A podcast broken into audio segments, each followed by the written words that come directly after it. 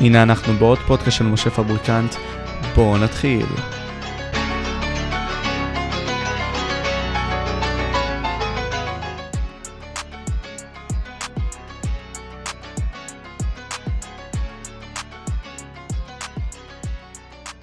אה, התגייסתי לצבא בתור צלם צבאי, קניתי מצלמה, התחלתי באמת לעבוד אה, בצילום, ממש כל ערב, הייתי אולי ישן ארבע שעות בלילה, ברמה כזאת, וזה המשיך גם אחרי זה. עכשיו אני יכול להגיד לך שאני מבחינתי שמתי לעצמי מטרה לקנות בית, זה אומר שאני, גם אם אני רעב, גם אם אני צמא, אני לא קונה אוכל ושתייה בחוץ, אני מחכה להגיע הביתה, או לאולם שאני הולך לעבוד בו, או לצבא, ולא אוכל ושותה בחוץ, אין, לא הייתי מוציא שקל, לא, לא חו"ל, לא זה, גם אחרי שהשתחררתי, גם כלום, עד שקניתי בית חצי שנה אחרי שקניתי בית, לא עניין אותי לא טיולים, לא, לא לקנות את זה, לא את זה, לא מעניין אותי, כלום, אני פשוט הולך, עובד, עושה כסף, מגיע הביתה, הולך לישון, או עורך והולך לישון, אה, עד שהגעתי למטרה של הבית, קניתי את הבית, אחרי הבית אה, הרשיתי לעצמי קצת יותר, קניתי רכב ראשון. אז, אז בוא נתעכב על זה, בוא, בוא, בוא שנייה נפרק את זה, כי אני חושב שזה חשוב.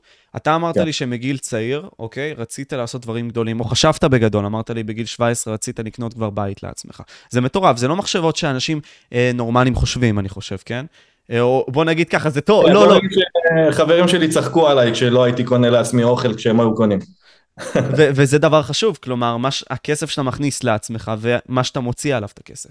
אוקיי, אתה באיזשהו מקום גם אמרת לי שבגן יבנה היית מתעסק בסיילס, היית מנסה קודם כל להרוויח מזה כסף טוב, ובנוסף גם לשפר את היכולות ה- של הביטחון העצמי שלך, כן? על הדרך. נכון. עכשיו, בוא נתעכב על זה, אוקיי?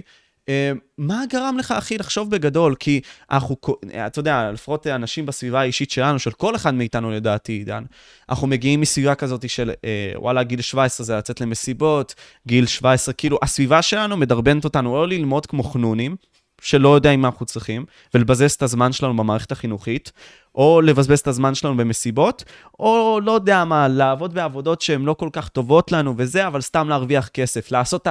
כאילו, לעבוד קשה, אבל לא לעבוד קשה איפה שצריך. אז דבר איתי על זה. קודם כל העלית נושא מאוד מאוד חשוב. אני יכול להגיד לך שעל עצמי, בחיים שלי, אני תמיד מעיין על החיים. מעיין על החיים זה אומר שאני כל דבר שאני עושה, אני קודם כל חושב לפני שאני עושה אותו. זה לא מעניין אותי מה כולם עושים, זה ממש לא אכפת לי. אני לא עושה מה שכולם עושים, אני עושה מה שאני חושב. זאת אומרת, אם אני יודע שהצבתי לעצמי מטרה, אני חושב מה אני צריך לעשות כדי להשיג את המטרה הזאת. או אם אני הולך, נגיד היום בערב לכך וכך, אז אני חושב, היום כדאי ללכת לשם, או לא כדאי ללכת לשם, לעשות את זה, או לא לעשות את זה, זה לא אכפת לי מה אנשים חושבים, זה לא מעניין אותי מה אנשים אומרים. אני הצבתי לעצמי מטרה, אני יודע שאני רוצה להגיע למטרה הזאת, אני יודע גם איך אני הולך לעשות אותה, כי חשבתי על זה, כי עיינתי על החיים, לא כי זה מה שאמרו לי, אז זה מה שאני עושה. כבר לא. מגיל צעיר, אחי, אתה יודע, אנחנו... איזה מוזר זה. כן. אתה בנוי אחרת, למה, כאילו, אני, אני רוצה שניכנס לזה, כי זה, זה, זה חשוב, אחי. כי אתה יודע, כן. הרבה מאוד מאיתנו רוצים להצליח, אבל לא יודעים את הדרך להצלחה הזאת, או לא חושבים מספיק בשביל לעשות את זה. הם פשוט, אתה יודע, אמ, אני מנהל חברה עכשיו תוך כדי, תוך כדי הצבא. יש משהו חשוב בזה שאתה נמצא עם סביבה טובה, וגם להשתמש במוח שלך בשביל להשיג את המטרות שלך, מה שאתה אומר. אבל לא הרבה חושבים ככה, מה גרם לך לחשוב ככה? סליחה. לא היה איזה משהו ספציפי, זה פשוט משהו ש... שהיה בי טמון, לא יודע. לא יודע להגיד אה, משהו ספציפי, להצביע על משהו ספציפי שבגללו זה קרה. אני חושב שתמיד הייתי ככה, תמיד חשבתי מחוץ לקופסה, תמיד כאילו... אמ, בוא נגיד, תמיד הייתי כאילו עושה מה שאני רוצה ולא מה שאומרים לי. בוא נקרא לזה ככה. לא היית, לא, היו לך חברים כאילו בגדול בגילאים האלו, שהיית יותר אינדיבידואל? תראה, מגיל 17, אה, בוא נגיד מאז הצבא, מאז הצבא, כאילו, עד, אה, עד גיל 28, 9, פחות כאילו. הייתי יותר מתעסק רק בעבודה. הבנתי, אז רגע, אז אתה אומר בשנים המוקדמות שלך היית יותר אינדיבידואל, יותר מפוקס, יותר אובססיבי? בוא נגיד עד גיל 18 היה לי, היה לי חברים, היינו יוצאים, היינו גם יוצאים למסיבות וכאלה. אבל דרך אגב, במסיבות האלה אני גם הייתי עושה כסף. תספר על זה, זה, מעניין אחי. אמ, הייתי, הייתי פשוט מצלם, הייתי פשוט מצלם, גם נכנס חינם, גם מקבל כסף וגם מקבל שתייה נקרא לזה, בסדר? אז בזמנו זה היה ככה. יאמן. אה, אז מבחינתי גם הייתי יוצא, גם הייתי מרוויח כסף, גם הייתי נהנה, ואני אגיד לך גם בכנות, שאם הייתי יוצא גם בלי המצלמה, אני לא הייתי נהנה. הייתי אוהב יותר לצלם, כאילו, זה יותר כאילו היה כיף שלי. אה, אז גם הייתי, כן, הייתי יוצא, הייתי מצלם, הייתי עושה דברים, וגם הייתי מרוויח כסף, גם אז. אמנם גרושים זה היה 150 שקל לדעתי אז, אבל uh, עדיין, מרוויח כסף, יוצא, נהנה, מרוויח כסף, קבל שתייה חינם. לא שזה מעניין אותי כל כך, כאילו, השתייה, אבל כאילו, אתה יודע, יותר מעניין. אחי. אז, אז אתה אומר לי סיילס, וגם היה לך תחביב לצילום, שממנו גם עשית כסף. נכון. באות, באותו, במקביל, כלומר, כן? במקביל, נכון. אז אוקיי, אז היה לך את התחביב הזה, שגם במשך החיים אחרי זה גם עשית ממנו עסק והכל, ואנחנו נדבר על זה. וגם היית נכון. בצבא בעצם צלם צבאי בבה"ד 20, נכון? אגב, לפני כן הייתי במגמת תקשורת בבית ספר, שעשינו סרט בדרך לאבא, אם אתה כותב את זה בגוגל, אגב, אתה מוצא את זה, בדרך לאבא, עשו עלינו כתבה באולפן שישי, זכינו מקום ראשון בתחרות הפיצ'ינג הארצית של הרשות השנייה. זאת אומרת, אני דיברתי בפני, לא זוכר כמה, איזה אלף ומשהו איש, וזכינו במקום אה, ראשון בתחרות הזאת, עשו עלינו כתבה מיוחדת באולפן שישי, אה, זה היה אני ובחור בשם שחר וסטיקר, זה היה אה, בעצם סיפור חיים שלו, אוקיי? וזכינו מקום ראשון בתחרות הזאתי, ובעוד תחרות הסרט האהוב בפסטיבל ון ליר בירושלים. אה, לפני כן, ואז זה גם מה שגרם לי קצת יותר, אה, בוא נגיד, לקבל, אה, להיות צלם צבאי קצת יותר הקל עליי, נקרא לזה. אז אוקיי, אז אנחנו עושים framing, בעצם אתה הולך ל sales, אתה טוב ב sales, מה אתה לומד משם, מה, הדברים כן, שלמדת משם? הייתי הכי טוב, ודרך אגב, הם לא קיבלו שם פחות מ-18 ואני הייתי חריג. איך נכנסת לזה? מה, כאילו, מה הסיפור? איזשהו אתר אינטרנט אז בזמנו, שפשוט אה, חיפשתי עבודה, כאילו, חיפשתי עבודה, חיפשתי עבודה שזה לא מינימום, כי אני לא אעבוד בשביל מינימום. אה, זה היה באזור ה-40 ו-45 לשעה, אז בזמנו, לפני 13 שנה, זה הרבה, 14 שנה, זה הרבה כסף. אז בזמנו, כן? אוקיי. Okay. ו- וגם היה לך את הצילום הזה, ובאמצעות הצילום, אני מניח שהכנסת את עצמך למקומות, ואז ראית כל מיני פרספקטיבות שונות, כלומר, בין אם זה אולי פה, אולי שם מסיבות, כל מיני כאלה, אתה נחשפת להרבה מאוד עלומות והרווחת על זה כסף. נכון. אוקיי. בעיקר, בעיקר הכסף, בעיקר מאירועים, וגם אחרי זה, גם הייתי יודע לערוך, אז גם לעריכת וידאו, עריכת תמונות, עריכת אלבומים וכולי. אז, אז היית באיזשהו מקום, עד, כאילו, אסלר צעיר כזה, אבל לא מספיק משקיע, כאילו, אתה לא אובססיבי, כמו שהיית בהמשך החיים שלך. אמ, בהתחלה, עד שקניתי בית, הייתי מאוד אובססיבי, אחרי זה, תראה, לבן אדם פשוט תקרא לזה, זה עדיין אובססיבי, כן? פשוט פחות ממה שהייתי לפני. אז תספר לי, אוקיי, אתה, אתה, אתה בעצם עושה את הדברים האלה במקביל, ואיך אתה מגיע בעצם לבית? כאילו, איך אתה מגיע בכלל לסכום כזה שאתה בעצם רוכש לעצמך בית? איך זה הגיוני, עידן? אמ, תראה, אז. אז בזמנו זה לא היה כזה סכום גדול, כן? אתה חוסך, אני חסכתי את כל מה שהרווחתי. זאת אומרת, לא הוצאתי שקל. תחשוב באמת כל מה שאתה מרוויח, לא הוצאת שקל, כי אתה גם גר עם ההורים, אתה מבין? ויש לך נסיעות חינם באוטובוסים כשאתה חייל. אוקיי? אמנם כן, הייתי צריך, לפעמים הייתי לוקח את הרכב מההורים, מן הסתם שההורים עזרו לי, כן? אמ, אבל זה לא שהם קנו לי את הבית, אתה מבין? זה כאילו אני עבדתי קשה והשגתי את מה שהשגתי בזכות uh, מה, ש... מה שעבדתי. עכשיו, uh, אני יכול להגיד לך שבאמת חסכתי שקל שקל מאותו רגע שהתחלתי לעבוד במכירות, שזה היה בסוף גיל 17, עד חצי שנה אחרי הצבא. חצי שנה אחרי הצבא כבר קניתי את הבית. חצי שנה אחרי הצבא זה גיל 20? לא, זה 21 וחצי. כמעט 22. התגייסת מאוחר כאילו. לא, למה? אמרת חצי שנה, אח... אה, אחרי הצבא, קיבלתי. אוקיי, לא בזמן הצבא. אז, אז אוקיי, אז תוך כדי אתה נכנס לצבא, אתה נעשה צלם בבה"ד 20. נכון. מה, אה, אה, קודם כל, איך, איך הגעת לשם? אתה בטח הראית כאילו את הדברים שעשית לפני כן? אני אגיד לך מה, זה היה יותר, אה, בוא נגיד, אה, עזרה מצד ג'. אתה לא תרחיב על זה, אתה לא, לא תרחיב. לא נרחיב, כן. הבנתי, הבנתי. אוקיי, אז כמו כולנו, אחי, גם אני נכנס, לא משנה. קיצר, לא משנה. זה תפקיד שקשה מאוד להתקבל בלי עזרה מצד ג', קשה מאוד. אז אתה נכנסת לשם, מה היה היציאות שלך? כי אתה אומר לי אז שתוך כדי עבדת. יומיות זה שמונה עד חמש, חמש אני מסיים, מתארגן לאירוע, אה, מוריד את המדים, שם בגדים, אתה יודע, כל מה שצריך, מתקלח, אפילו בבסיס, אה, הולך לאירוע, מצלם, עד 12-1 בלילה, חוזר הביתה, אה, עורך את כל הדברים שעשיתי כבר באותו לילה, כי אם לא, זה מצטבר ואז אני לא אספיק. אה, גם בזמן של הצבא עצמו, בין שמונה לחמש, לפעמים יש לי זמן פנוי, אז לא לוקח מחשב נייד אה, לבסיס, עורך גם דברים קצת של צלמים אחרים שהביאו לי לעשות פה, לעשות שם, ואיך אומרים, מייעל את הזמן כמה שאפשר. לא אגיד לך שעשיתי מיליונים, אבל עשיתי כסף סבבה יחסית לחייל. עוד לא מיליונים. אני אומר דבר, אני אומר דבר כזה, כלומר. יש, יש, אני, אני קודם כל גם חווה את זה, אני נמצא ביחידת תקשורת בצבא, דרך משטרה צבאית, אוקיי? ואני גם כמוך, כלומר, אה, יש את הזמן הפנוי הזה, זה או שאתה מקשיב לספר, במקרה שלך אתה עבדת, אז אני גם עבדתי, תוך כדי, ואתה מנסה כמה שיותר למקסם את הזמן. אז אתה אומר לי, אני בצבא עכשיו, יש לפעמים עבודות שאני צריך לעשות של הצבא, אוקיי? ויש דבר, בזמן הפנוי שלי, בצבא אני פשוט עובד, ואחרי זה אני יוצא לעבודה כל הזמן, כל הזמן, אחרי, אחרי השעות של הצבא. בדיוק. וואו, וזה היה כל הזמן קבוע? כלומר, היית כל הזמן עובד אחרי הצבא? כל הזמן היית לך עבודה? כל הזמן עובד אחרי הצבא, וגם אם לא היה לי צילומים באותו יום, הייתי לוקח עריכות מצלמים אחרים, לעשות את העריכות בבית, ואני יכול להגיד לך שגם בשישי ושבת הייתי עובד, ובמוצא שאם הייתי מצלם גם, חוץ מאירועים עם היה, מוצא שאם הייתי מצלם גם מסיבות קבוע, זה היה חמישי, שישי, שבת, מסיבות כל הזמן, מוצא שהיא מסיבות, ואחרי המסיבה אני בא לבסיס לישון, שלוש שעות. כי זה נגמר בסביבות אה, ארבע בבוקר, אתה קם בשבע בבסיס, מתארגן על עצמך, ככה כל מוצ"ש. זה מסקרן, עידן, אחי, כי אני אומר לעצמי, אוקיי, זה, זה מה שאתה מספר לי עכשיו, זה אין חיים, אחי. יש... אין חיים. אין חיים. אבל אין בחרת חיים. את זה. בחרתי את זה.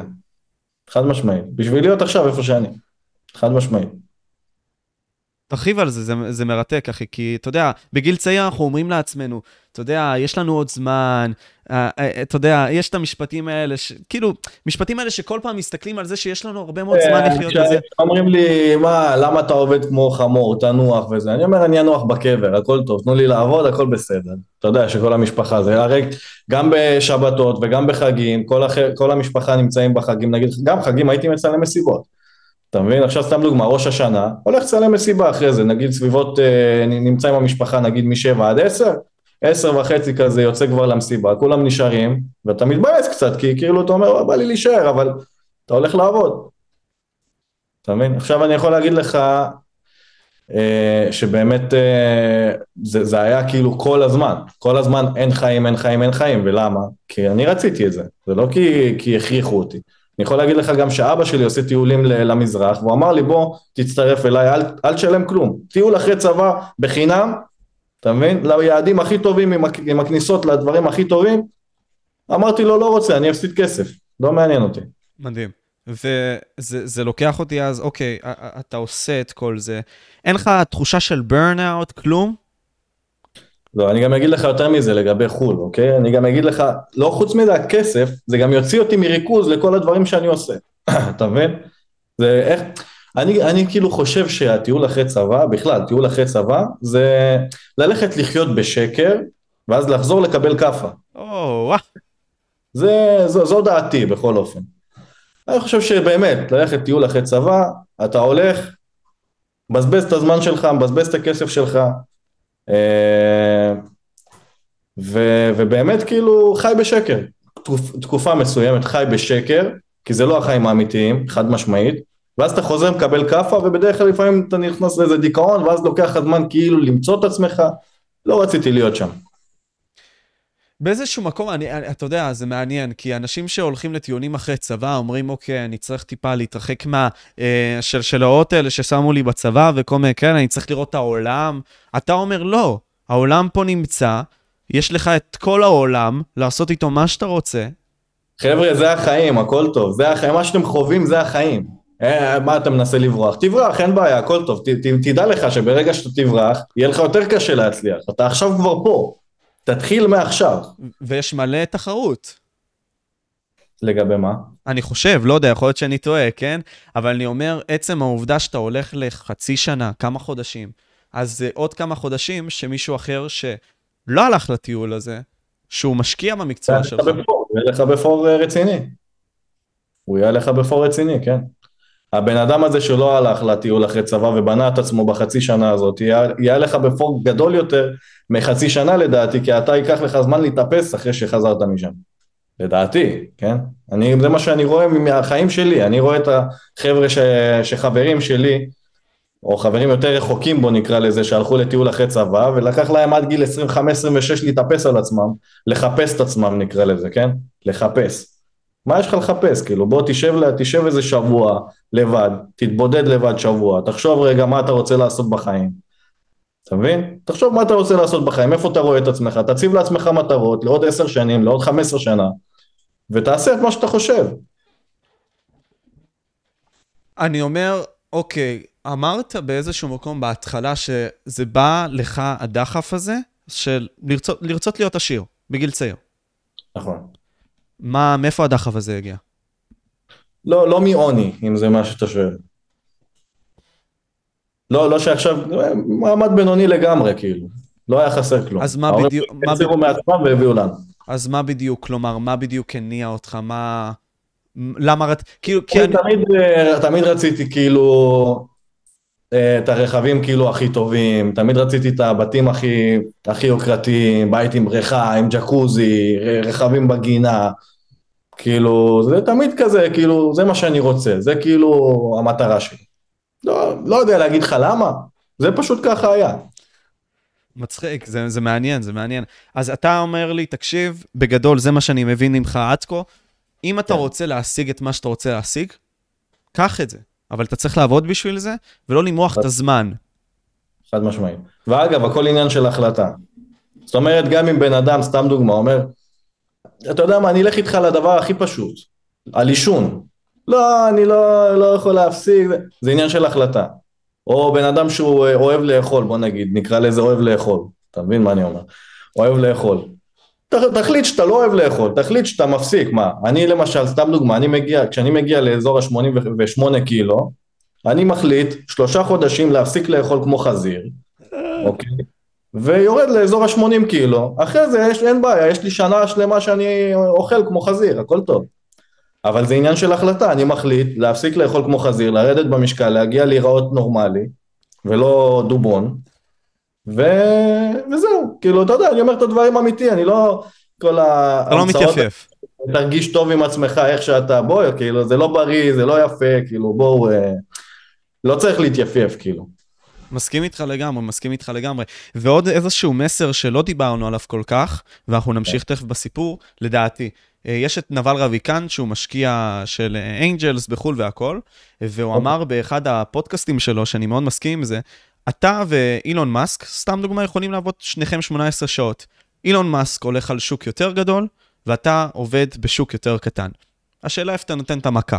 בסוף, גם אתה הלכת למקום, לדעתי, שהוא סופר רווחי, והוא סופר, אה, גם בגלל האינטרנט, הוא נותן לך אפשרות לעבוד איפה שאתה רוצה.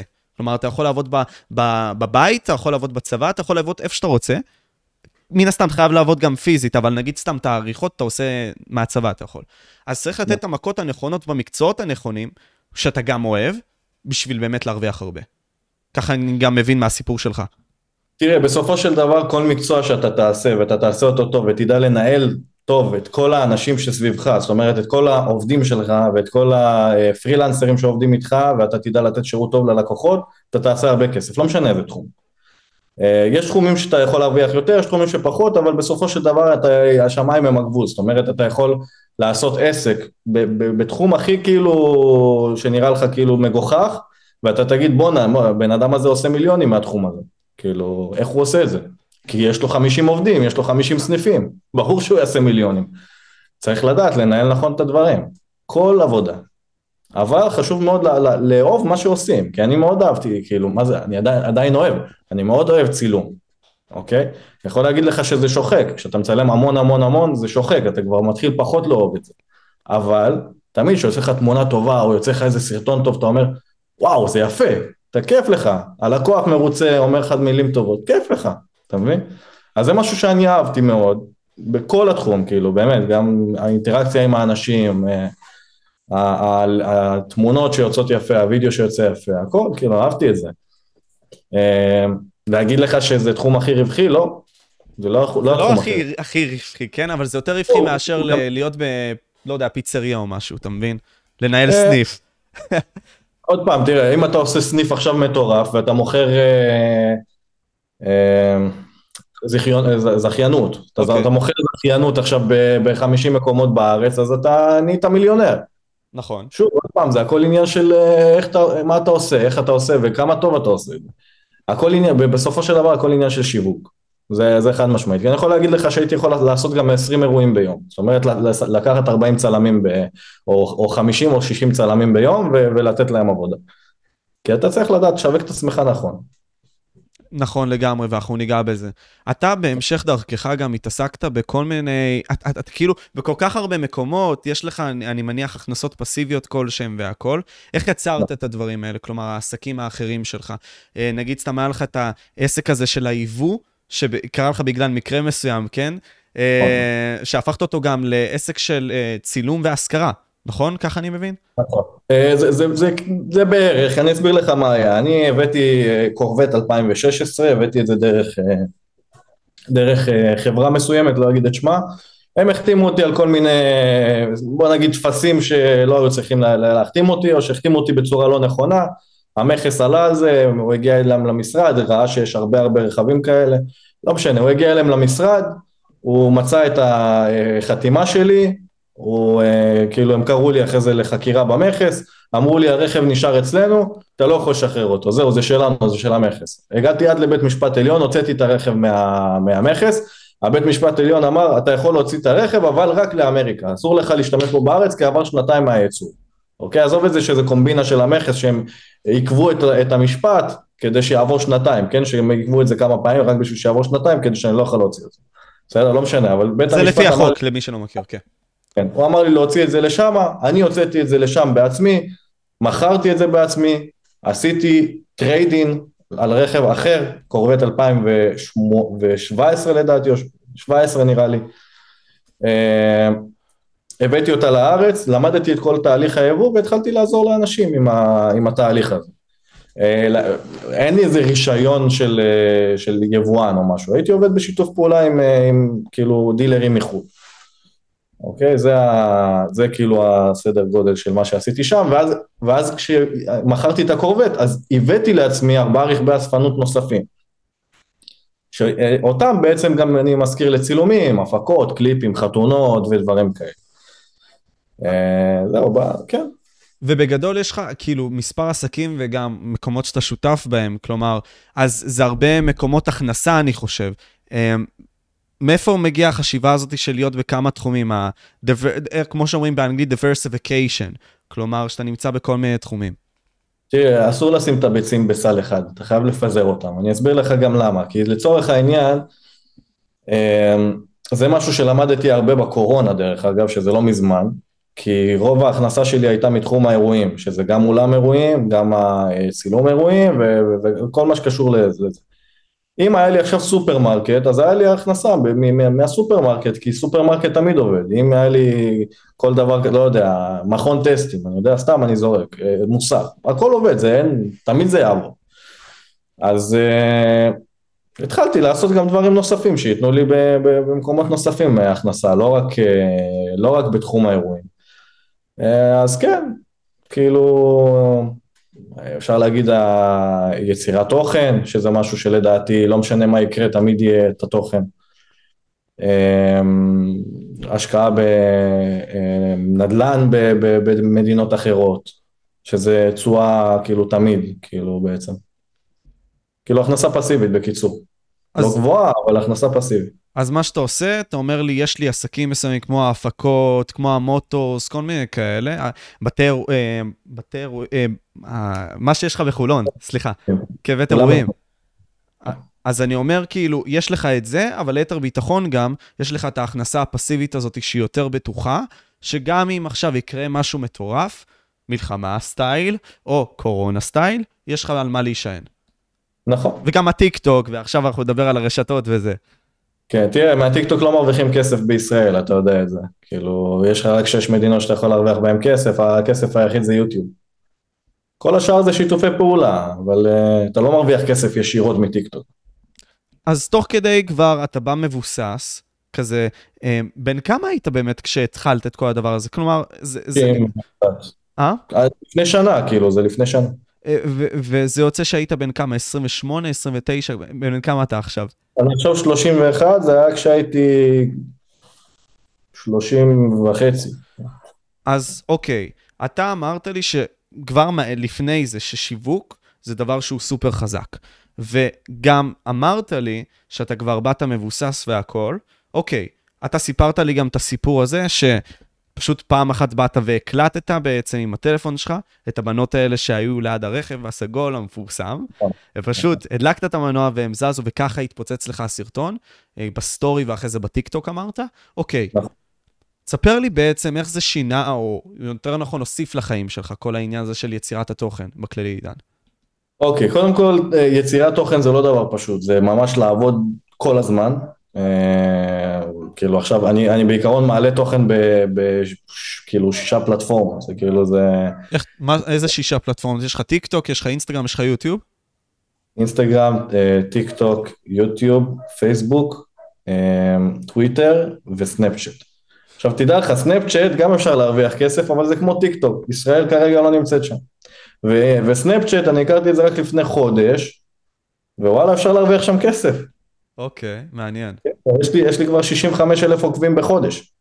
וואו. כן. אוקיי, כן. אז, אז אתה התחלת את זה, העלית את זה, ופתאום ראית שזה כדור שלג כזה שכאילו בא ונע כזה מהר, מהר, מהר וצובר תאוצה? כן, חד משמעית. זה, זה כאילו, הסרטון השני הגיע גם, כאילו הסרטון השני הגיע גם לחצי מיליון, הסרטון השלישי הגיע כבר לעשר מיליון. אה, זהו, ואז אמרתי, טוב, יש פה משהו, בוא, בוא, בוא ניקח אותו כאילו לשלב הבא, זה טוב לי, אני גם כאילו יוכל אה, לקבל אה, חשיפה והכרה ו, ואמינות. זאת אומרת, אנשים ייחשפו לסיפור שלי, יכירו אותי, ידעו מי אני. יהיה לי יותר קל להביא משתמשים לאפליקציה שלי.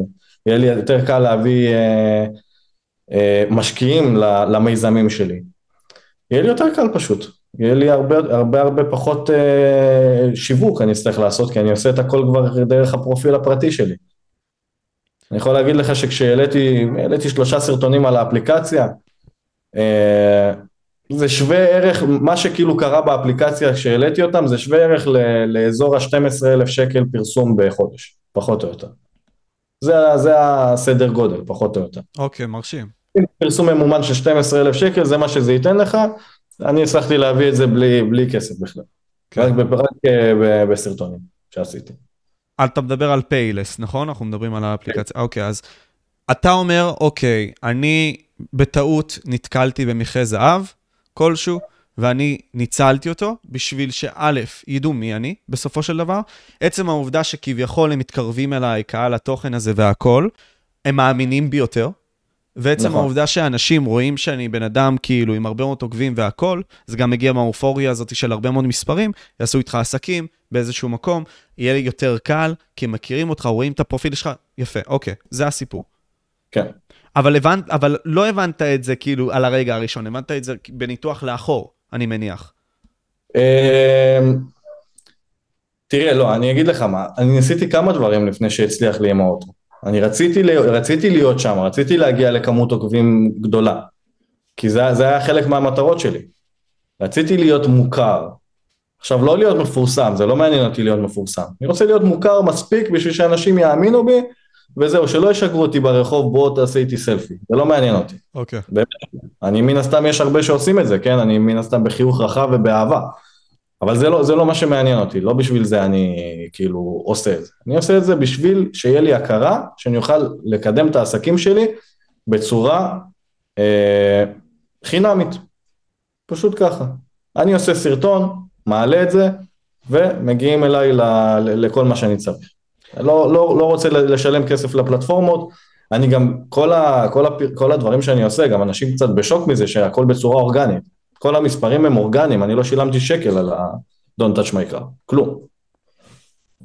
וזו טכניקה מאוד חזקה, אתה מנצל את האינטרנט בשביל לפתח את ה business שלך בעבר. אני גם uh, עכשיו קורא על זה, כלומר, בעבר, בסופו של דבר, בשביל להקים איזשהו business, או יותר נכון למנף אותו, היינו צריכים ללכת ל... capital שיבואו וייתנו לנו הרבה מאוד כסף, כל מיני כאלה, ופועלים וכל מיני כאלה, הרבה יותר קשה להשיג.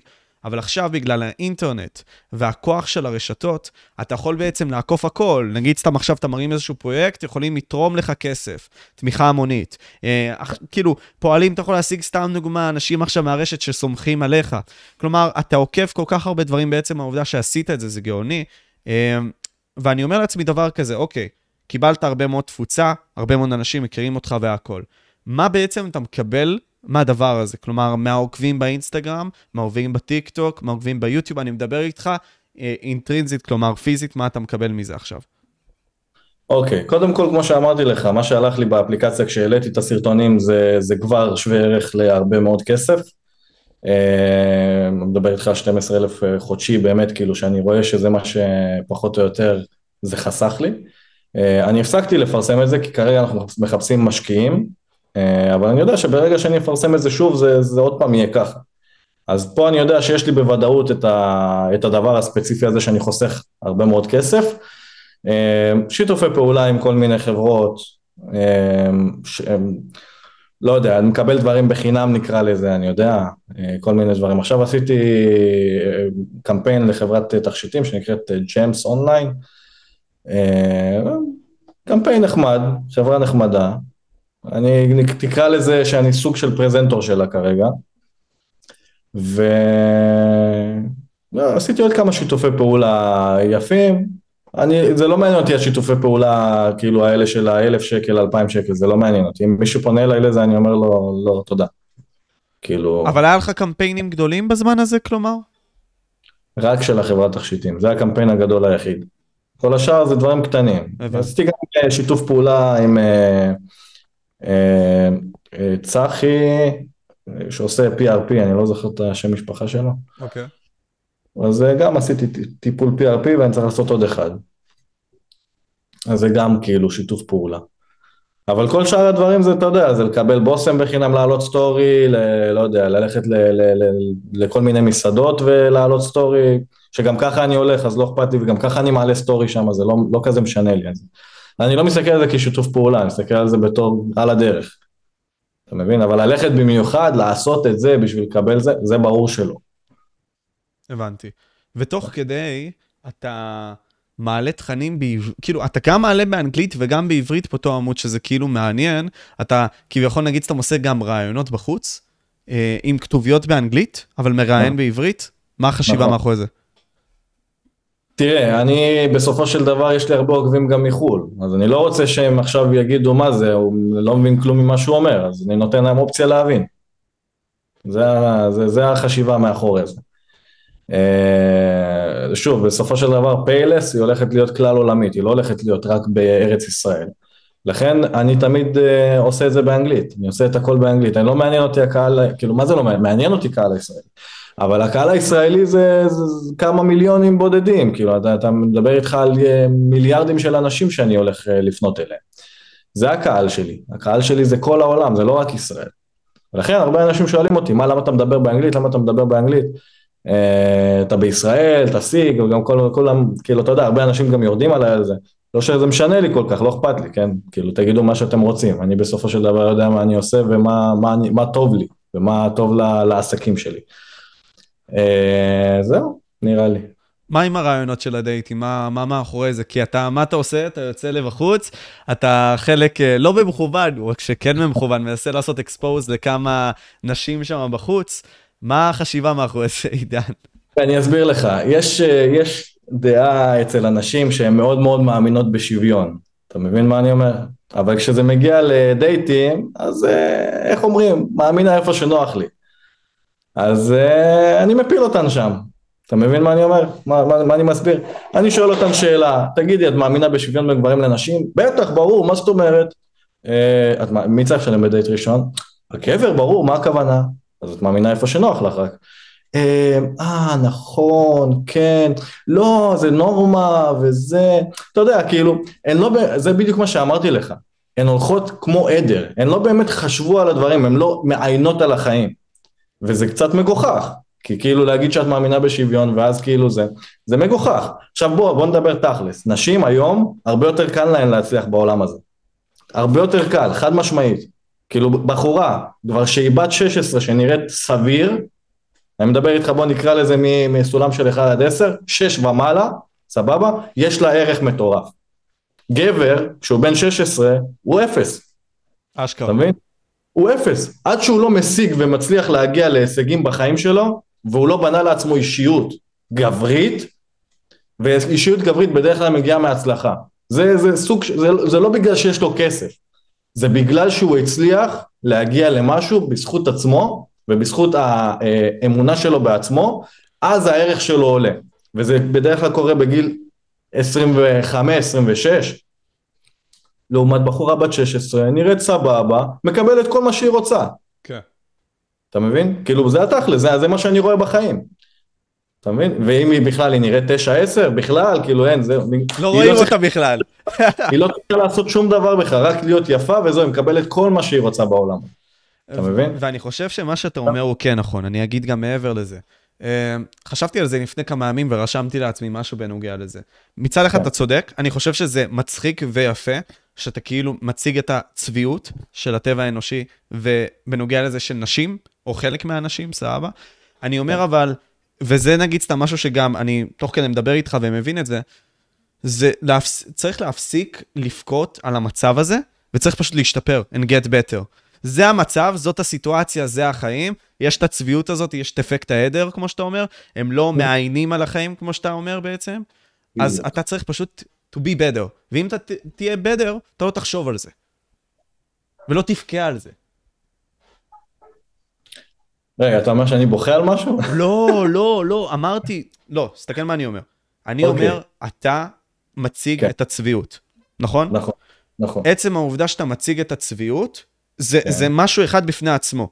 אני אומר שיש גברים, ולא מעט, שאומרים, אוקיי, ראיתי עכשיו את הסרטון של עידן, וואי, אבל איזה, זאתי, זאתי, זאתי, כאילו, למה היא אומרת ככה, זה, זה, ומפתחים את הפילוסופיות האישיות שלהם בנוגע לזה, ואז, כן. בגלל זה, הם אומרים, וואי, אין אשמות, ולא מתרכזים בלשפר את עצמם.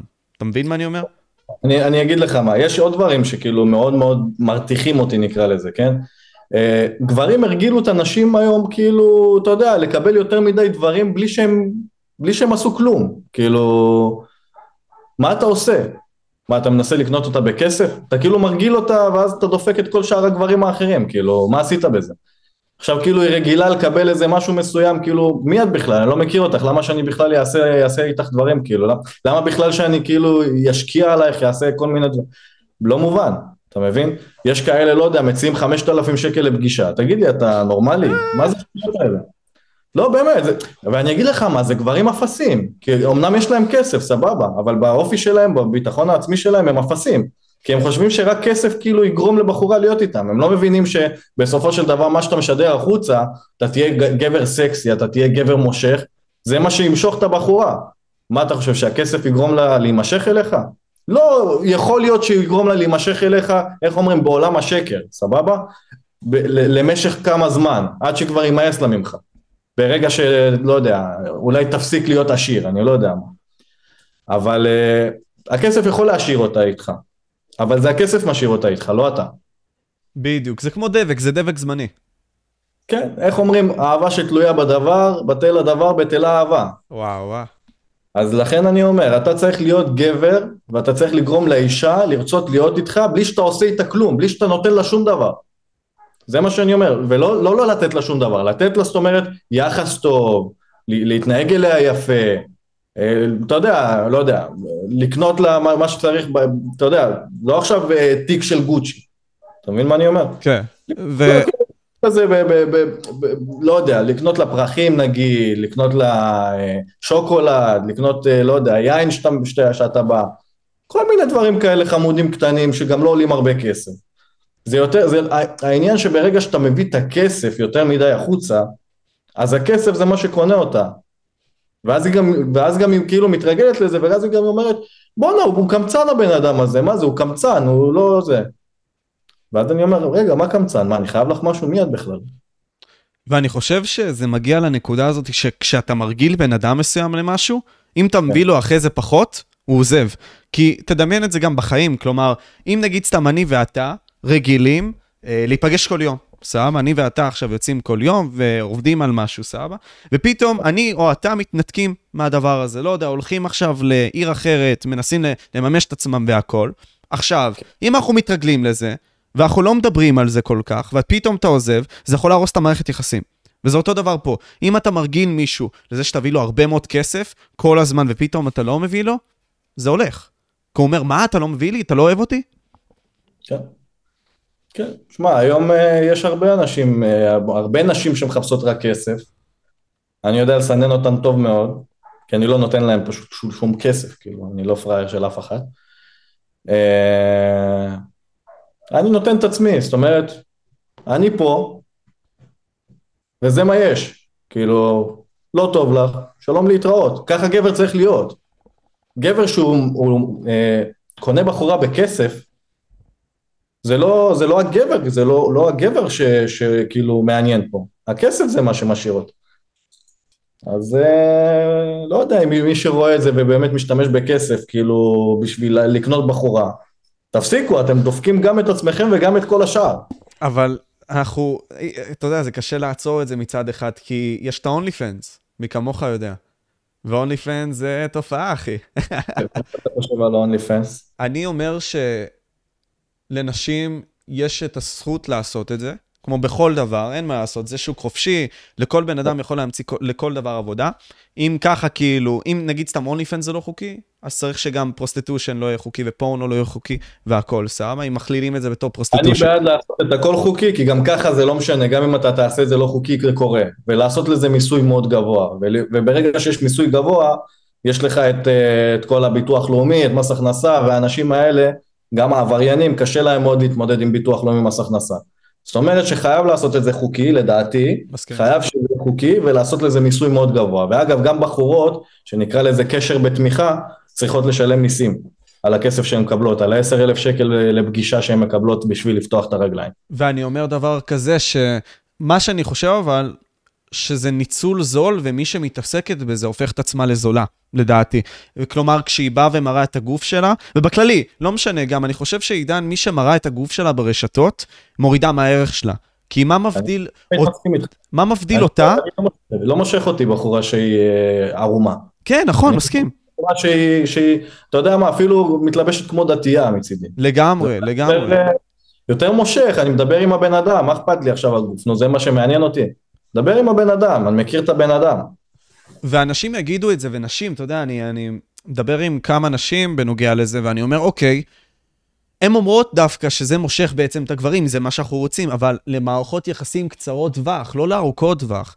כי אם אתה נכון, מנסה. להיות גבר שמצליח כמוך, עידן, אתה לא. רוצה את ההסחת דעת הזאת, של אוי, עכשיו היא באה ומראה את הציצים שלה בחוץ וכל מיני כאלה. אתה לא רוצה את זה, אתה רוצה שהיא פשוט תספק את מה שהיא צריכה לספק במערכת יחסים. שזה תמיכה, אהבה, דברים הפשוטים, ה basics.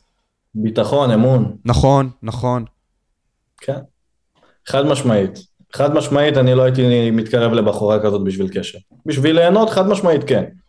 ואני גם אגיד לך יותר מזה, גם כאילו, זה לא, אתה יודע, כל הגברים כמעט שולחים הודעות לבחורות כאלה, כי אתה יודע, בא לך כאילו ליהנות גם, כאילו, בוא. אז אתה שולח, כן, נכון, זה מביא הרבה חשיפה, זה מביא הרבה אנשים, ויכול להיות מאוד שגם היא טובה במיטה ואז אתה תרצה להישאר איתה בגלל שהיא טובה במיטה. זה גם אופציה. אבל זה לא הדרך ש, ש, שהיא רוצה בעצם שאתה תכיר אותה, אם כאילו ככה היא חושבת. צריכה להבין שברגע שהיא מתלבשת חשוף, היא מביאה לעצמה גברים שרוצים רק את, ה, אה, את הגוף שלה, או לא יודע, את המיניות שלה, והיא יכולה להשאיר את הגבר הזה איתה, אם היא מספיק טובה במיטה. אה, לא, כי, כי, כי זה הורמונים, אחי, אתה, אתה מתעוור מאהבה. כן, אבל זה לא אהבה, זה תאווה, אתה מבין? ואז אתה, זה משהו שמרגיש די אותו דבר, כי אהבה ותאווה זה מרגיש אותו דבר, אבל ברגע שזה נעלם, הקשר נגמר. וברגע שהקשר, שאין לך יותר האהבה לאישה, נגמר הסיפור. וברגע שאתה יוצר אהבה ואתה יוצר את כל העניין הזה של החיבור האמיתי עם האישה הזאת, שהוא לא קשור למגע, אז זה יישאר בלי שום קשר אם יש מגע או אין מגע. כן? כי יש פה יותר תלות במערכת יחסים בריאה ואופי, מאשר ביופי. כן. וזה חשוב לציין את זה, כי אתה נמצא ואתה הולך לראיין אותם בתל אביב והכל, ומדבר עם הרבה מאוד נשים שם, כן?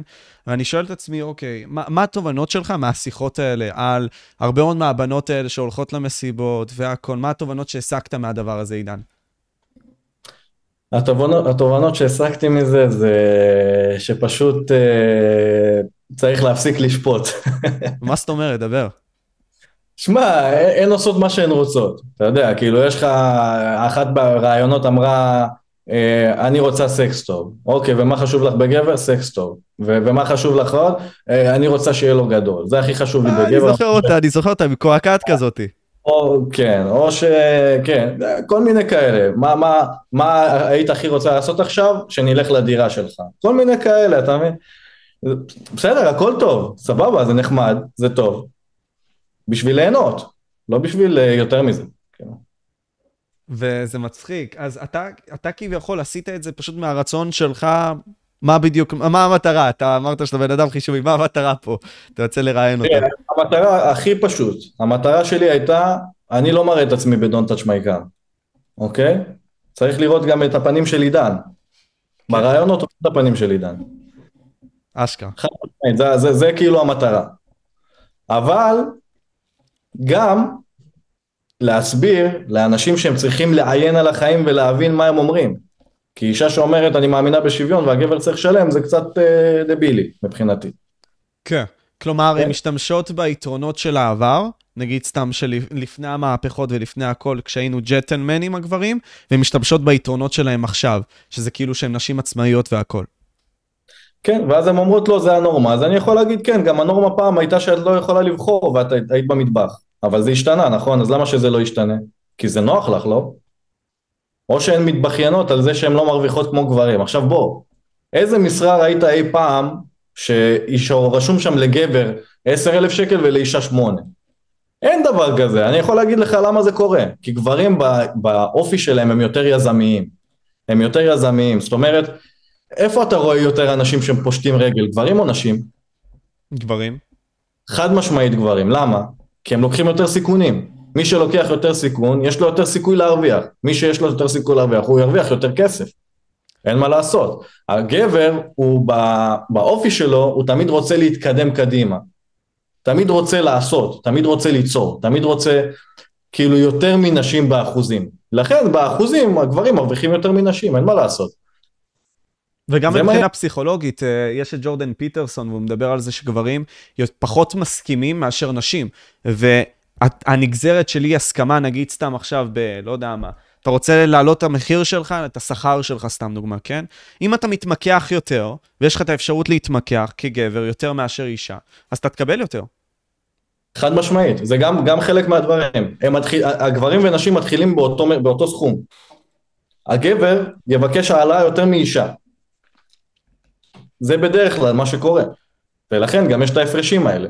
אבל אתה לא תראה שתי אנשים שעובדים בדיוק באותה משרה, שפתאום יש שם הבדלים כאילו קיצוניים במחיר. זה לא כמו פעם, בשכר. זה לא כמו פעם. פעם, לפני 20 שנה, נכון, זה היה ככה. לא יודע, 15 שנה. היום אין דבר כזה. זה, זה ממש להתבכיין, ואני גם אגיד לך יותר מזה, נשים מקבלות יותר אה, נקודות זכות מגברים, אוקיי? גם אגיד לך עוד משהו, בתור משפיען רשת, כל העבודות שאני רואה באפליקציות והדברים האלה זה, הכל משפיעניות, לגברים אין בכלל עבודה. אתה רואה. גברים מתבכיינים על זה? כן, אני יכול להראות לך איזה אפליקציה, יש שם הכל משפיענית, מחפשים משפיענית, משפיענית, אין לגברים, אתה מבין? אבל אם זה היה הפוך, זאת אומרת שמחפשים רק גבר, הן היו הולכות ומתחילות לעשות בלאגן, מה זה, זה אפליה, זה פה, זה שם, או שכל האלה שאומרות לך אה, girl power, נכון? girl power, הכל בזכות ה-girl power, זה לא אפליה, זה הכי אפליה שיש. כאילו זה הכי אפליה שיש. את לוקחת את האישה רק בגלל שהיא אישה, אם גבר היה אומר את זה, מה היו אומרים? היו עושים על זה סקנדל, כל ארגוני הנשים אה, שמחפשות שוויון נקרא לזה, כן? אין שוויון, הרי הנשים כבר מזמן עקפו את הגברים, חד משמעית. הן פשוט רוצות ממש לרמוס אותנו, הארגונים של הנשים, זה מה שאני רואה. כי שוויון כבר יש מזמן.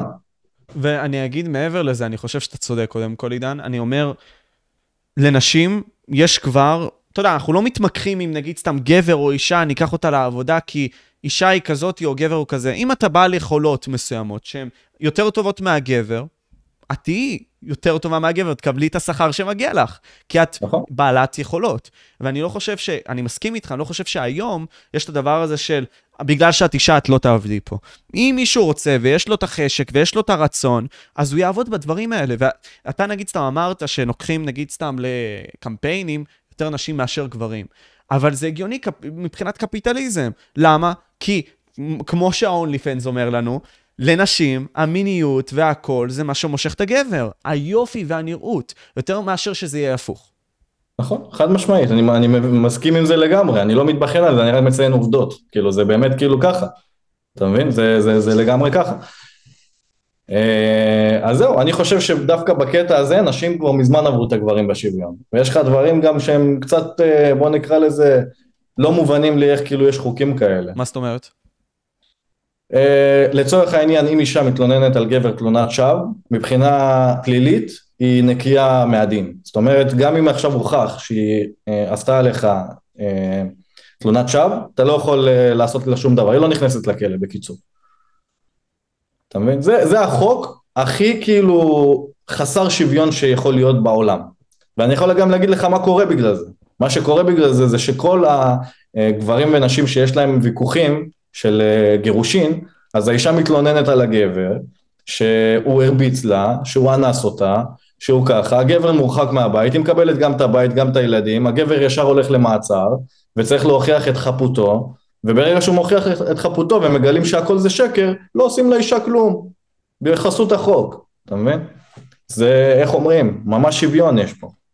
כן, אתה אומר שיש הרבה מאוד תנועות כמו אני מאמין לך וכל מיני כאלה, שבעצם מאמינות ישר לנשים, וכן, בוא, בוא נשים את זה על השולחן, כן אונס קורה, כן יש הרבה מאוד גברים שמטרידים נשים, ואנחנו לא, לא אומרים שלא.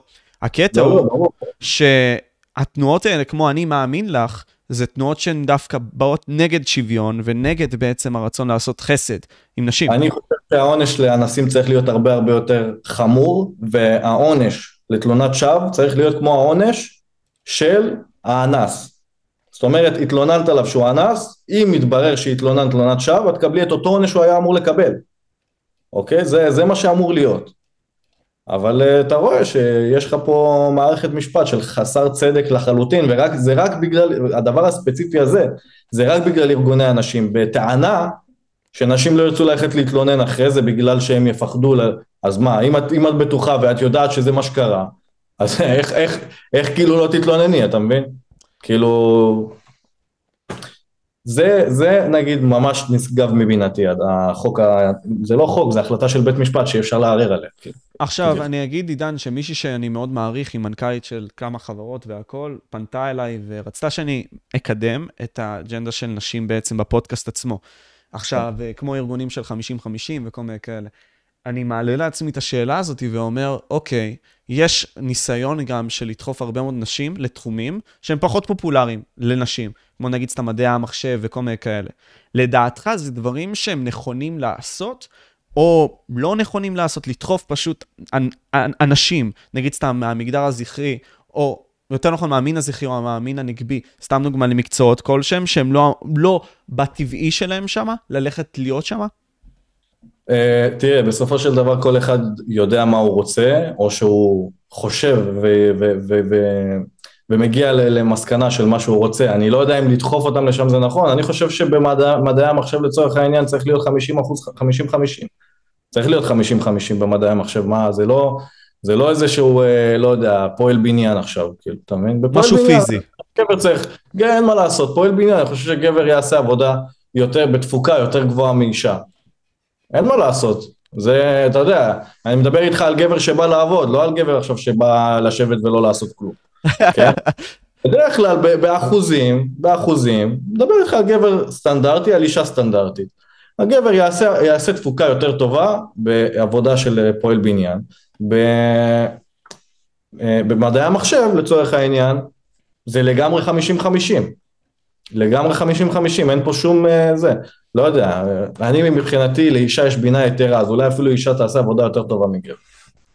סבבה? בכל העניין של מחשבה וכל חשיבה והכל, אישה יש לה מעלה על הגבר. אני מסכים, אני מסכים, נקודה מעניינת. חד משמעית היא יכולה להיות יותר טובה.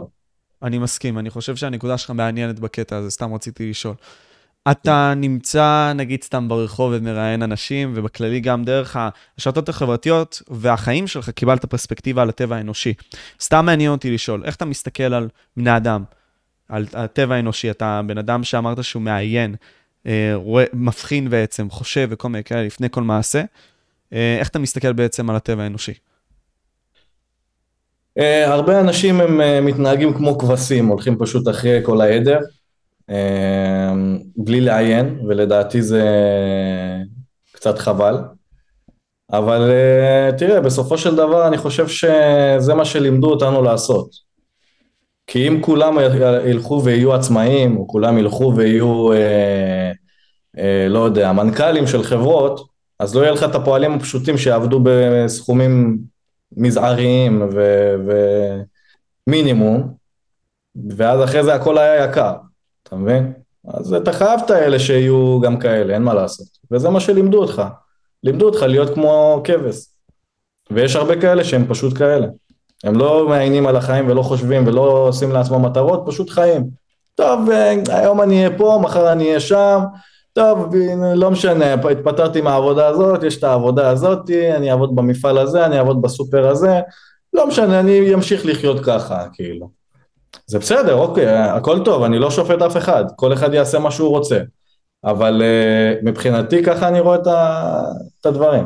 ואתה יודע, זה לוקח אותי לג'ון די רוקפלר, שהוא היה מבין האנשים שעשו את המהפכה של מהפכה התעשייתית, כן? מבין האנשים שהיו הכי עשירים בהיסטוריה. והוא אמר, I don't want a nation of thinkers, I want a nation of workers. כלומר, אני לא רוצה חברה שאנשים חושבים, אני רוצה חברה של פועלים. ואיך אתה מטמיע את זה? דרך מערכות חינוכיות כלשהם, כמו בתי ספר והכול. ואתה מייצר ככה את הכור היתוך הזה, שממנו אנשים יוצאים, אתה מרגיל אותם, נגיד סתם דרך תמריצים כלשהם, או, די, או דיסנטיבי, אה, אה, או חוסר תמריצים, בוא נגיד ככה, של מכות, או נשים וכל מיני כאלה, איך להתנהג. ואז אתה יוצר כזאת חברה. ומי שיוצא, כאילו, משם הוא המנהל, או משהו בסגנון. לכן, אני, אני כל הזמן חשבתי לעצמי, למה במערכת החינוך אתה 12 שנה מבזבז את הזמן שלך? ואני אומר, למה לא עושים שאתה יוצא כבר ממקצוע? ואז אמרתי, אה, אם הם יעשו שיוצאים ממקצוע, אז כולם ירוויחו מלא כסף, וזה לא טוב שכולם ירוויחו מלא כסף. כי צריך את האלה שירוויחו מינימום, אחרת הכל יהיה יקר. כל הייצור, כל המפעלים, הכל יהיה יקר. כל המוצרים הבסיסיים יהיו יקרים, אז חייבים של... להוציא אותם בלי כלום, כדי שיהיה את האלה שכן ילכו ואת הרבה האחרים שלא ילכו. זאת אומרת שיהיה את האלה שילמדו ויעשו דברים, יהיה את האלה שיפתחו עסקים, ויהיה הרבה מאוד אנשים גם שיעבדו במפעלים ודברים כאלה שהם אה, עבודות של מינימום. כן, ואני אני, אני גם רוצה להגיד, היה איזשהו יועץ אה, ביטחון כלשהו של הברית, אני אזכר בשם שלו, אבל זה גם אותו דבר בנוגע למלחמות. כלומר, הוא אמר, נראה לי משפט כזה, שחיילים הם אנשים טיפשים או משהו בסגנון הזה, שנותנים למדינות לנהל את עצמם. כלומר, הם כאילו, חפ, בוא נגיד ככה, חפים מפשע שהמדינה מנצלת, למען הדברים שלהם, למען קשרי החוץ. זה כבר אה, טענה אחרת, זה כבר טענה נוראית אחרת, כן? אבל אה, מעניין לשחק עם הרעיונות האלה. נמצאים בזמן מלחמה, להגיד את זה... כן, זה... משהו, בוא נגיד, יש בזה משהו, כן? יש בזה משהו. אני חושב שאם לא היה אכפת למדינה מקשרי החוץ, היינו יכולים לפרק אותה מהאוויר לחלוטין, וזה לא מעניין אותי בכלל מי, מי נמצא שם. ומבחינתי, בכלל כל החבר'ה שנמצאים שם, הם כולם, אה, כולם הדם שלהם מותר. אני לא חושב שיש שם מישהו שצריך להישאר חי בעזה. אין שם אנשים חפים מפשע. האנשים שם שהם חפים מפשע, היום, עוד 15 שנה יעשו לך את הפיגוע הבא. אז uh, זו דעתי בכל אופן לגבי הדבר הזה, ואני די בטוח שגם הרבה מאוד בממשלה זה הדעה שלהם. פשוט, uh, אתה יודע, מפחדים ממה שיגידו, או מה יגידו עליי בזה, זה לא נוגד, נוגד את החוק הבינלאומי. די, נו מה. הם, הם, הם הלכו לפי החוק הבינלאומי, המפלצות האלה. לגמרי, אנחנו יותר מדי מוסריים באיזשהו מקום, אבל מצד שני, אתה יודע, זה גם מחשבה, מעניין אותי מה אתה חושב בנוגע למלחמה, אז כי החיילים שלנו בעצם נהרגים, אה, אנחנו מנסים להוציא את החטופים כל יום.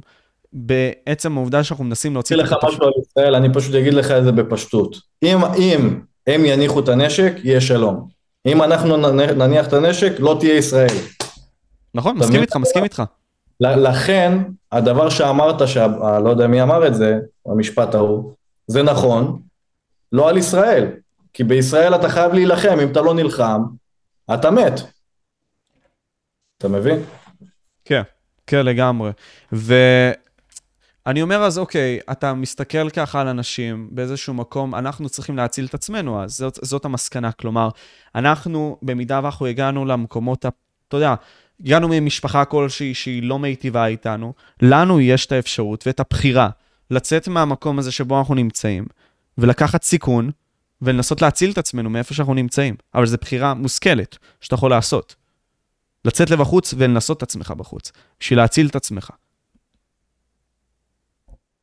אתה מדבר עכשיו על? אני מדבר עכשיו על, נגיד, אה, דיברנו על חינוך ודיברנו על זה שמנסים לחנך אותנו להיות צייתנים. אז אני אומר, בשביל לצאת מהצייתנות הזאת, בשביל לממש את עצמך ולהיות עצמאי. זה משפטים כמו, לך תלמד, תעשה תואר, תהיה, תמשיך קבע, כל מיני משפטים כאלה, שבטח אה, אין ספור אנשים שמעו כל החיים שלהם. אה, גם לי אמרו, לך תלמד תואר. אני מבחינתי ללכת ללמוד תואר זה היה בזבוז של זמן. נכון. ארבע שנים מהחיים לבזבז את החיים שלי על זה, אני כאילו אמרתי לעצמי בחשיבה שלי כשהשתחררתי, אוקיי, ארבע שנים, אם אני עכשיו הולך ללמוד ארבע שנים, זה אומר שאני מפסיד את הרווח של הארבע שנים שאני הולך להרוויח את הכסף בצילום, וגם הולך להפסיד ארבע שנים מהחיים שלי, וגם אחרי זה הולך להרוויח בערך אותו דבר. אה. למה? למה? חד משמעית.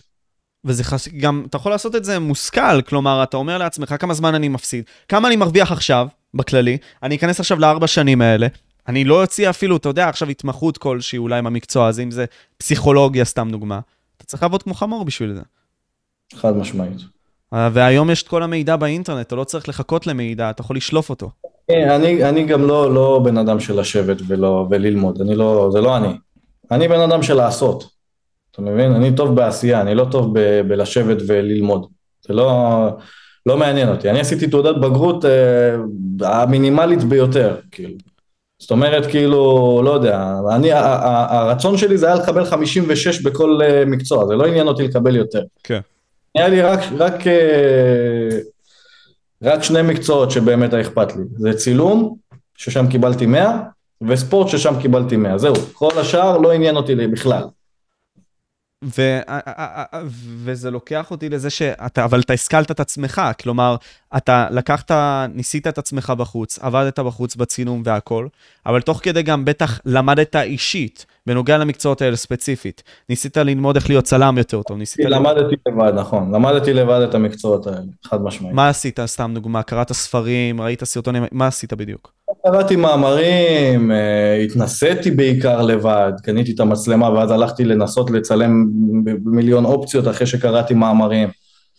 אה, בעיקר ניסוי וטעייה, כאילו, לא נראה לי שיש פונקציה שאני לא מכיר במצלמה, שהרבה הרבה אנשים שהם, תקרא לזה צלמים, בכלל לא יודעים כל מיני דברים שהם שואלים אותי שאלות מוזרות.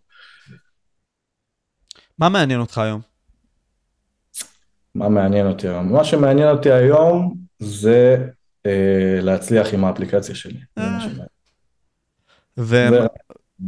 ואתה מתכנן לעשות את ההצלחה הזאת מתי מבחינתך, מבחינה חישובית? בוא אני אגיד לך מה, אני בשבוע של המלחמה, היה לי ארבע פגישות עם משקיעים מאוד מאוד רציניים.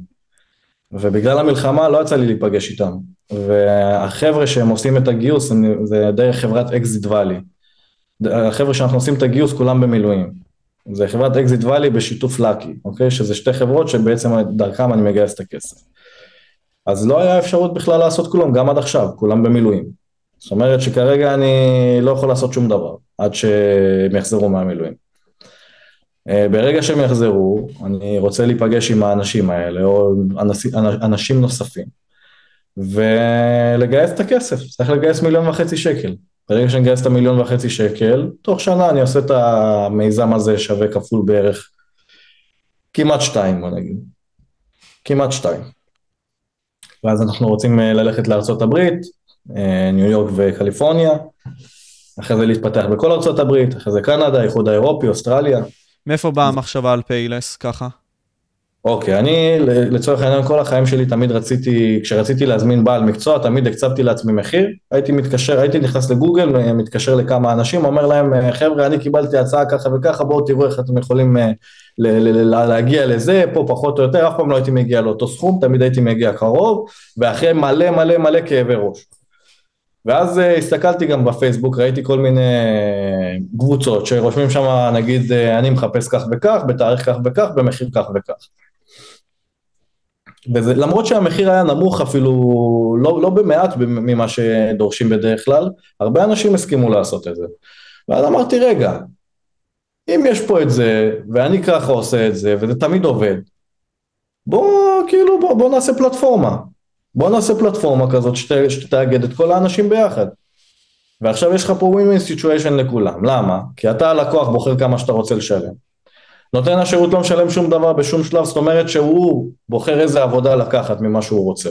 זאת אומרת, נגיד הוא ראה עבודה באלף שקל, הוא בוחר לאשר את זה, הוא מקבל את האלף שקל שלו וזהו נגמר הסיפור. והאפליקציה מקבלת את ה-10% רווח שלו. עכשיו איך זה עובד לצורך העניין? סתם דוגמא, אתה רוצה להזמין צבעי לבית, אתה נכנס לאפליקציה, רושם אה, את פרטי העבודה, רושם צבעי, נגיד אתה רוצה לשלם אלף שקל, כל הצבעים באזור מקבלים התראה לטלפון, רואים את זה בתור 900 שקל, מאשרים את זה בתור 900 שקל, אתה בוחר אחד מהם לפי ביקורות, דירוגים, עבודות שהם העלו, משלם 10% שזה 100 שקלים ישירות לאפליקציה, ושאר 90% הנותרים שזה 900 שקלים, משלם ישירות לצבעי. ווין ווין סיטואשן לכולם. ועכשיו אני אסביר לך, יש אנשים שיעבדו לך, נגיד ימים שהם פנויים, אפילו אנשים שהם חזקים, יעבדו לך בחצי מחיר ממה שהם נותנים לך בטלפון אם אתה היית מתקשר אליהם, כי פנו אליהם התאריך הזה והם אומרים מה, אני אשב בבית, אז אני לא ארוויח 2,000 שקל היום, אני ארוויח 1,000. אתה מבין? אז הייתה לך בעיה, ובסופו של דבר ניסית ליצור פלטפורמה שתפתור לך את הבעיה האישית הזאת, מהניסיון האישי שלך. תקרא לזה הבעיה האישית שלי, אבל זה בעיה של מלא אנשים. בדיוק, ואתה מנסה לפתור את זה, או כן. עושה את זה. כן, אני, אני עושה את זה. הבנתי, זה, מעניין. כן, תשמע, אני, כשפתחתי את האפליקציה עשינו פיילוט של שלושה חודשים. בשלושה חודשים האלה נכנסו 7,000 משתמשים לאפליקציה, מתוכם 3,000 נותני שירות, נסגרו 260 עבודות. אה, דיברנו עם הלקוחות שבעצם נסגרו להם העבודות, הם מאוד מאוד מאוד התלהבו מהרעיון הזה. אה, אמרו גם שהשירות בוצע בצורה מצוינת, לא לקחנו על זה כסף, זה היה פיילוט. אה, לא סלקנו כאילו את הכסף בפועל, באמת רק רצינו לראות שהכל עובד והכל תקין, ומאז אנחנו בעצם מגייסים כסף. מעניין. וואלה אחי, זה נשמע מעניין מאוד, חזון מעניין, ופותר בעיה שהיא באמת קיימת. כלומר, אתה מחפש משהו, אתה רוצה עובד שירות כלשהו שיעשה לך את העבודה, אתה אומר לעצמך, אין לי זין כל כך לחפש עכשיו בזיפ, או כל מיני פורומים, או מחבר. יכול להיות שאני אשתמש בחבר הזה, כן, אבל אני רוצה לחפש את הנותן שירות הכי טוב לסכום האישי שלי. מוצא אותו, זה הכל. בדיוק. מעניין. אתה רושם מה שאתה רוצה, אתה רושם את התאריך, אתה רוצה, רושם את הכתובת, אתה רושם את הסכום, מי שרוצה שיבוא, מי שלא, שלא, שלא יבלבל את המוח, אתה מבין? כן. זהו, זה כאילו השורה התחתונה.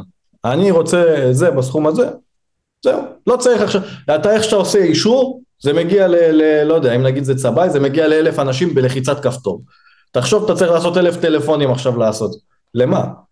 יש לך כפתור, אלף אנשים מקבלים את זה, רואים את המחיר שאתה פרסמת. מי, ש, מי, ש, מי שמוכן לעשות את זה במחיר הזה מאשר, אתה בוחר אחד מהם לפי ביקורות דירוגים, עבודות שהם אלו. מושלם. קיבלתי. אני רוצה שאנחנו נסיים אולי עם מסר לצעירים, אחי, שצופים בנו, שהם רעבים, שהם אנשים שחלקם מחושבים יותר, חלקם מחושבים פחות, מנסים להצליח. איזה מסר היית נותן להם, עידן?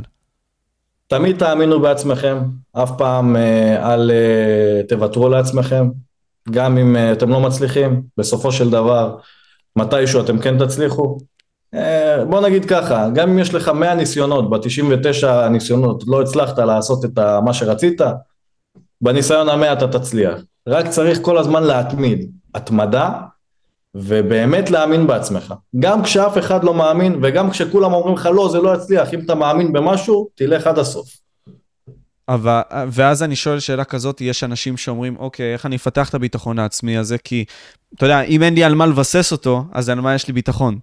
בוא אני אגיד לך מה, זה עניין של החלטה. פשוט תחליט שיש לך ביטחון ויהיה לך.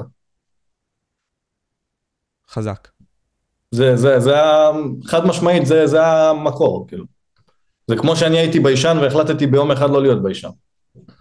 הכל עניין של החלטה. ברגע שאנשים יבינו שהכל זה עניין של החלטה בחיים, הם מחליטים מה להיות. הם מחליטים מי הם יהיו. עכשיו יש בן אדם שלא מכיר אותם, אוקיי? הוא בעצמו הוא יודע שהוא ביישן. אתה בא, אתה מחליט שאתה לא ביישן. הבן אדם שמולך לא ידע שאתה ביישן. אתה מחליט מה להיות. תכניסו את זה לעצמכם בראש. אתם, בהחלטה שלכם, יכולים להחליט כל דבר שאתם רוצים ולהיות מי שאתם רוצים, רק תחליטו את זה. זה הכל. וואו. טוב, אחי. קודם כל, הייתה לי שיחה מאוד מעניינת איתך, ומאוד מעריך אותך, עידן. תודה רבה. ומקווה שפיילס, אחי, תצליח. כי אני חושב שתשמע, אתה, אתה, אתה אמרת את זה, וזה נשמע לי משהו סופר legit. כלומר, מהרעיון עצמו. אה, אני מאמין בזה חד משמעית, אני יכול להגיד לך שכל המשפחה שלי אה, בעלי מניות באפליקציה, אם זה ההורים שלי, אחים שלי, אה, בני דודים ודודים שלי, כולם בעלי מניות באפליקציה, כולם השקיעו, גם החברים הקרובים. אני מאמין בזה ברמה כזאת שאני שנתיים כבר לא עובד בעסקים האחרים שלי ועובד רק על זה. שמתי לעצמי, אתה יודע, עובדים בכל המקומות האחרים. ו... וזהו, אני באמת מאמין בזה במאה אחוז, ואני בטוח שזה יצליח. ואני חושב שמי שרוצה להיכנס, עכשיו זה הזמן הכי טוב, כי עכשיו זה בשווי נמוך. Gotcha man. אפשר למצוא אותך ביוטיוב, טיק טוק, אינסטגרם, סנאפצ'אט, וגם בטוויטר. גם בטוויטר, אבל בטוויטר יש לי רק עשר עוקבים. לא, סטלבט, באמת, כאילו? באמת, לא, לא, תקשיב, אני מעלה שם סרטונים, לא מגיע לכלום. איזה מוזר זה, אבל אומרים שזה פלטפורמה לסרטונים, או הולכת להיות פלטפורמה גדולה לסרטונים. אה, זה מה? אה, טוויטר, טוויטר, טוויטר. טוויטר, באמת? אה, תשמע, נגיד סתם, יש שם את טאקר קרלסון, הוא איזשהו עיתונאי, קיבל 120 מיליון צפיות על הפודקאסט שהוא עשה, או ראיון שהוא עשה, אתה מבין? מעניין, מעניין. תשמע, אני לא מצליח לעבור את המאה. מאה צפיות. כן, לא מצליח. אבל תשמע, יכול להיות שהאלגוריתם שלהם מאוד מאוד קשה בהתחלה, כמו יוטיוב, האלגוריתם של יוטיוב מאוד קשה בהתחלה. אני בשבעה, שמונה חודשים הראשונים, לא היו לי צפיות. היו לי 100, 200, 1,000. וואו. כאילו, הכי הרבה שהגעתי זה היה 5,000. ואז פתאום האלגוריתם כאילו התחיל לקבל את הסרטונים, ו... וכאילו זה התפוצץ, עכשיו יש לי משהו כמו 20 מיליון צפיות ביום. זה מטורף, אחי. זה מטורף, כן. מאמן, אני קודם כל גאה בך, אה, שמח לראות את הג'רני שלך, ובתקווה שתצליח. אלוף, שתצליח גם אתה, היה לי מאוד נעים לשחח איתך. יאללה, היינו פה, אני הייתי משה, פבריקנט, ואנחנו עשינו פה את התוכנית המדהימה הזאת, היה כיף, יאללה ביי.